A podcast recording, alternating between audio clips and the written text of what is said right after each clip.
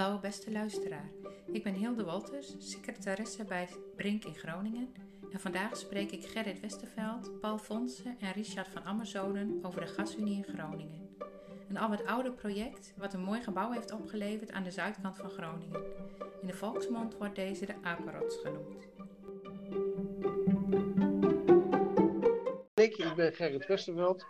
Ik eh, heb uh, zo'n 28 jaar officieel bij Brinkgroep gewerkt. Ben in uh, 1985, ja dat is de vorige eeuw, ben ik eh, in dienst gekomen bij Brink en het jaar daarop ben ik een van de directeuren geworden. Ehm, projectmanagement was datgene wat wij eh, gingen opzetten binnen Brinkgroep. In eh, een jaar of negen nadat ik bij Brinkgroep was gekomen, of ben gekomen, kwam het Gasonie in beeld.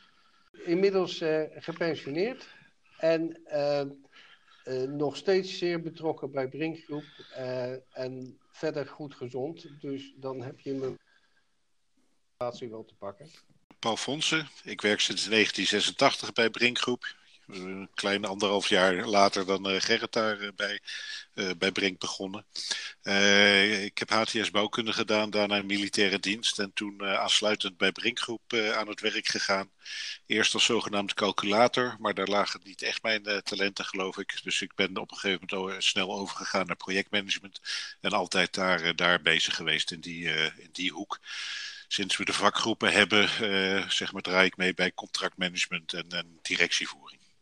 Ja, ik ben Richard van Ammerzode. Ik ben senior accountmanager bij uh, Software. Uh, komend uh, 1 maart werk ik 15 jaar bij het bedrijf. Ik werk al een jaar of 30 in de bouwinformatica. En ja, ik ben gespecialiseerd in het vakgebied BIM. En ik ben als accountmanager verantwoordelijk voor de relatie met de Gasunie voor het gebruik van de calculatiesoftware. Gasunie die, die, die uh, zit al, zat al van oudsher in, uh, in Groningen. Uh, maar dat, dat de gebouwen waarin ze, ze zaten, die werden wat, wat, wat oud. Waren aan een grote onderhouds opknapbeurt toe. Maar ze waren ook wat te klein. En men moest een, een, een centrale commandopost, uh, waar ze het hele gasdistributie door het netwerk heen regelen, uh, realiseren. Daar zijn toen, uh, wij zijn erbij betrokken geraakt voor allerlei doorrekeningen van dat soort huisvestingsvarianten. Uh, vanuit al dat doorrekenen uh, bleek dat dat renova renovatie van hun bestaande locatie best wel prijzig was. En, en, en, en nieuwbouw ook een serieuze optie uh, is. Nou, de, uiteindelijk is dat nieuwbouw geworden. op de plek waar men nu zit, aan de ringweg aan de westkant van, van, van Groningen. daar, daar is het gasuniegebouw gerealiseerd. Heel groot gebouw, 45.000 vierkante meter BVO architect is uh, Alberts en Van Huut. Die heeft daar een heel, zeg maar, uh, ja, voor hun architectuur herkenbaar uh, gebouw gerealiseerd. En snel nadat het opgeleverd was, heeft dat ook de prijs mooiste gebouw van Nederland gekregen. En, en ja, dat, dat op zich wel terecht. Het is gewoon een ontzettend mooi gebouw. Uh, het is technisch, de architectuur is mooi. Tot in details is daar uh, zeg maar het, het architectuurconcept van Alberts en Van doorgezet. Maar het is ook in technische zin, bouwtechnische zin, heel uitdagend geweest. Er is een centrale commandopost gerealiseerd. Dat is een uh, zeg maar betonnen bunker uh, van, van 40 bij 40 vierkante meter. Uh, die is op maaiveld gemaakt en daarna als een caisson afgezonken dat die onder de grond terecht is gekomen. daaroverheen is dat grote kantoorgebouw gerealiseerd. Het is heel groot, heel zwaar. en we hadden daar in de grond allerlei vervelende kleilagen zitten. daar, daar, daar zit ook een, niet alledaagse fundering onder met palen van anderhalf bij drie meter en 40 meter de grond in. En, en, en daarnaast, de, de, als je het gebouw binnenkomt, de entreehal, die is best spectaculair, heel groot. Grote vierde, grote overspanningen. Uh, en daar, cirkelt een, een, een, trap, die draait daar doorheen naar boven toe. Wat, wat echt een ja, constructief hoogstandje is om dat überhaupt uh, te, te, te kunnen maken. Um, uh, in basis is het voor GasUnie een kantoorgebouw met een groot computercentrum en dat, dan daaronder dat, uh, dat, uh, die centrale commandopost. nadat we het op hebben geleverd, ja, hebben ze nog een hele tijd ingezeten en daarna is het de GasUnie-organisatie, voor zover ik weet, ietsjes gekrompen en zijn er ook andere gebruikers ingekomen.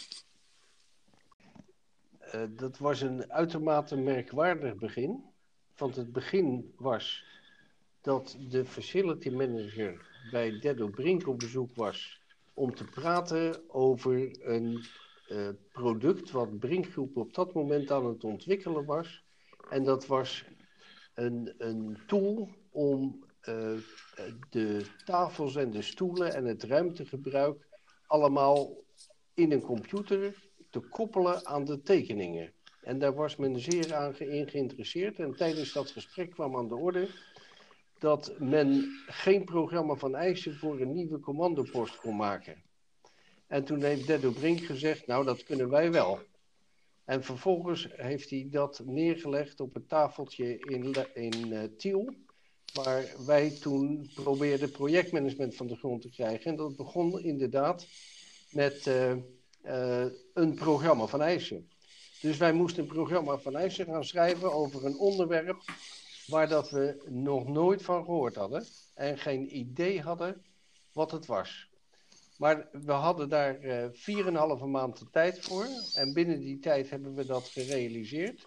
En toen hadden we dus echt uh, GasUnie aan onze kant, want ze vertrouwden ons aan alle kanten. En toen kwam dat doorrekenexercitie van de huidige gehuurde bestemming van het pand waar dat men toen in zat. Want die was van Nationale Nederlanden. En uh, toen hebben wij gezegd, nou dat is van Nationale Nederlanden. Dus als je de huur opzegt, dan moet je zorgen dat je een nieuw gebouw hebt. En zo zijn we met het nieuwe gebouw aan de gang gegaan. Nadat eerst tussen de bedrijven door er ook nog gezegd werd, ja, op dat commandocentrum willen we ook nog een computercentrum hebben. Dus het werd een steeds groter project, waar dat we met uh, heel veel genoegen, zoals uh, Paul er straks al zei, aan gewerkt. Nou, in ieder geval de prijs van het mooiste gebouw van Nederland. Hè? Dus, en dat, dat krijgen niet zo heel veel gebouwen. Dus uh, dat, dat, nou dat is voor alle betrokkenen leuk. ik denk wat, wat, wat binnenbrengt op zich ook wel de moeite waard is om te vertellen, is dat het Gasunie-project, dat heeft ook, uh, dat, daar hebben we ook een uh, collegebundel van mogen samenstellen voor de TU Eindhoven. Uh, rondom projectmanagement voor zo'n project. Hè. Wat speelt er allemaal, procedures en ga ze maar door wat Gerrit in het begin zei, van, van in de jaren tachtig was projectmanagement in Nederland een beetje opkomende business, hè? Maar, we waren behoorlijk het wiel aan het uitvinden.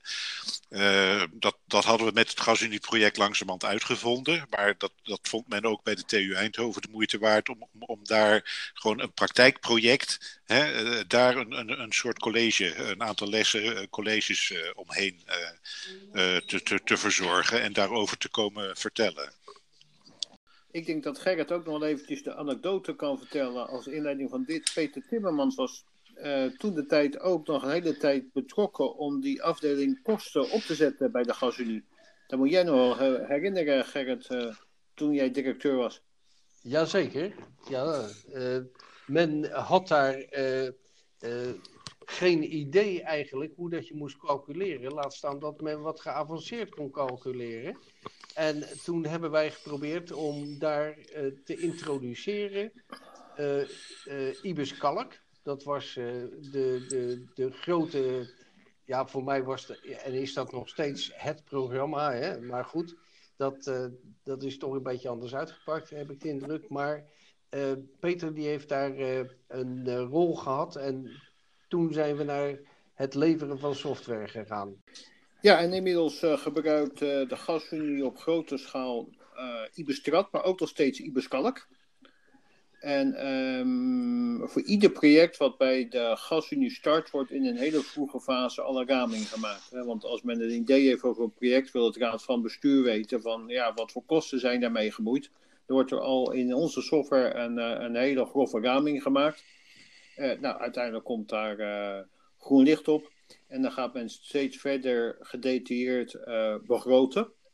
Dus op een gegeven moment gaat de gasunie gewoon aan hetgeen wat ze zelf gecalculeerd hebben in onze software vergelijken. Welke prijs hebben de, hebben de aannemers uh, zeg maar neergelegd en waar zitten de, de, de verschillen in. En uh, ja, de gasunie gebruikt denk ik inmiddels al een jaar of veertien uh, onze, onze software daarvoor. Het leuke vind ik dan persoonlijk ook dat ik dan in dat mooie gebouw mag komen wat, ja, waar Brinkgroep projectmanagement voor gedaan heeft het leuke is, als je achter mij kijkt via Teams uh, door dat raam, dan herken je daar Albers en Verhuut in. Uh, want ik woon zelf ook in een woning die door dezelfde architect ontworpen is als, uh, als het gasuniegebouw. En ja, daar zie je ook wel een beetje twee kleuren metselwerk, de, de schuine ramen, et cetera. Ja, dat zit ook allemaal verwerkt, net als in het gasuniegebouw in mijn woning. Dus ja, aan die kant vind ik het ook leuk om altijd bij de gasunie op bezoek te gaan. Nou, weet je, ik vind je vroeg naar anekdotes. Maar een van de anekdotes is dat de kunstcommissie van Garzuni, die had heel veel te zeggen. En die had, was autonoom en die mocht vinden wat ze vonden. En toen het gebouw aan het uh, eindfase was en we aan het schilderwerk begonnen en de kleuren in het atrium ontstonden, en dat zijn de kleuren van de regenboog. Uh, toen kwam de commissie en die zei: stop daarmee, want wij willen alles wit hebben. Want we willen kunst kunnen ophangen en kunst kunnen we alleen maar ophangen als de wanden wit zijn allemaal. Maar de architect die had heel nadrukkelijk uh, aangegeven dat het een regenboog moest zijn van beneden naar boven. En dat werd keurig gedaan, overigens. En toen hebben we een gigantisch gevecht gehad, waarbij de directie van Gazunie het heel moeilijk had met de kunstcommissie. En we hebben dat kunnen winnen door aan te geven dat de architect niet bereikbaar was en dat wij op zijn uh, ontwerp geen inbreuk mochten maken. En de koningin die zou eraan komen om uh, het pand te openen. Dus we moesten door, we hadden geen tijd meer. En toen hebben we de afspraak gemaakt dat als na drie maanden uh, het er niet uh, naar behoren uitzag voor de kunstcommissie, dan zouden we hem nog wit maken, dat hele atrium. En dat uh, is niet gebeurd, want de dag nadat het pand geopend was, kwam Beatrix kijken, incognito, omdat ze dat atrium zo verschrikkelijk mooi vond met al die kleuren die erin zaten, dat er was geen kunstcommissie of geen gasunie meer die durfde te zeggen dat het niet mooi was en dat het wit moest worden. Voor mij heb je mij ooit ook eens de anekdote verteld, Gerrit, over al die spreadsheets die bijgehouden werden in Groningen tijdens het project. En dat er ook gewoon secretaresses vanuit Tiel of Leidschendam daar gewoon gestationeerd zaten. Ja, daar weet Paul alles van. Want Paul die had een systeem bedacht waarbij de distributie van alle gegevens zodanig moest worden gestroomlijnd dat. En toen hadden we nog geen standaard software voor dat soort dingen zoals IBIS Calc en dat soort zaken meer. En dat heeft Paul toen geantameerd om dat uh, van de grond te krijgen. Nou, dat was een gigantische hoeveelheid werk wat daar langs kwam, Paul. Ja, vooral veel klopwerk. Uh, hè, dus. dus maar dat deden we dan achter de schermen uh, en, en, en snel. en dan leek het net of het niet alleen geautomatiseerd was, maar ook nog snel, snel werkte en zo. Maar het was meer manuren erin stoppen dan dat, dan dat het zo geraffineerde software was, eigenlijk.